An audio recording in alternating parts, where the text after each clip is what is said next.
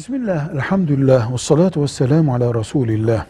Ehli sünnet kelimesi ne yazık ki yoğun ve laubali kullanılır olmuştur. Ehli sünnet adı üstünde sünnete yapışanlar demek. Sünnete yapışmak derken kimin sünneti? Resulullah sallallahu aleyhi ve sellemin sünneti. Eğer bir tarafın adı Resulullah'ın sünnetine yapışanlar oluyorsa, öbür taraf kime yapışıyordur? Bunun için geniş anlamıyla diyoruz ki ehli sünnet İslam demektir. İslam'ın kendisi ehli sünnettir. ABC fırkası diye fırkalara bölünmüş de olsa ehli sünneti kabul etmek yani Resulullah'a yapışmak, ashab-ı kirama yapışmak Müslümanlıktır.